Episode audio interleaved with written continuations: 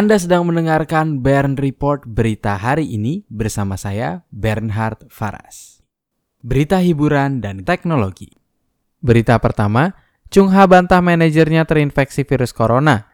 Penyanyi Kim Chung Ha alias Chung Ha membantah laporan yang menyebutkan manajernya terinfeksi virus corona setelah menghadiri Milan Fashion Week 2020 di Italia beberapa waktu lalu. Chung Ha mengaku kecewa dengan kabar tersebut ia merasa seperti dituduh hal yang salah dan terluka. Chung Ha menegaskan tiga manajernya saat ini dalam kondisi sehat sesuai dengan pemberitahuan resmi yang dirilis agensi.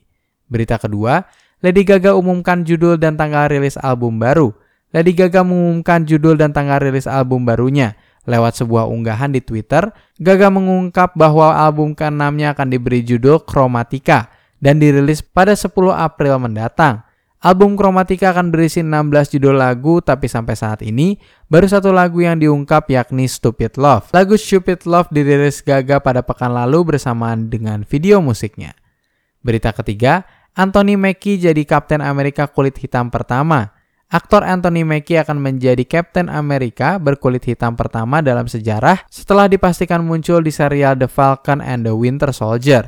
Mackie ingin karakter Captain America yang ia perankan bisa mewakili setiap orang, bukan hanya beberapa kelompok. Serial The Falcon and the Winter Soldier akan dirilis pada Agustus 2020 melalui layanan streaming Disney+.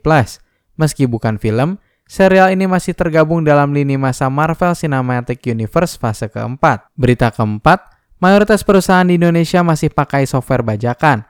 Berdasarkan laporan BSA Global Software Survey 2018, tingkat pemakaian perangkat lunak bajakan di Indonesia mencapai 83 persen. Angka tersebut merupakan yang tertinggi dibandingkan dengan rata-rata negara di Asia Pasifik, yakni sebesar 57 persen. Dengan persentase yang tinggi tersebut, data pribadi warga yang tersimpan di komputer-komputer perusahaan rentan terhadap ancaman siber. Secara khusus, SafeNet menyerukan agar pebisnis di sektor perbankan, keuangan, teknologi, dan e-commerce untuk sepenuhnya menggunakan perangkat lunak resmi guna melindungi data sensitif pelanggan mereka. Berita kelima, LinkedIn mencoba fitur stories seperti Instagram dan Snapchat. LinkedIn juga menghadirkan fitur stories seperti di Instagram dan Snapchat. LinkedIn mengaku tengah menguji stories secara internal. Mereka berencana akan memperluas pengujian dalam beberapa bulan ke depan.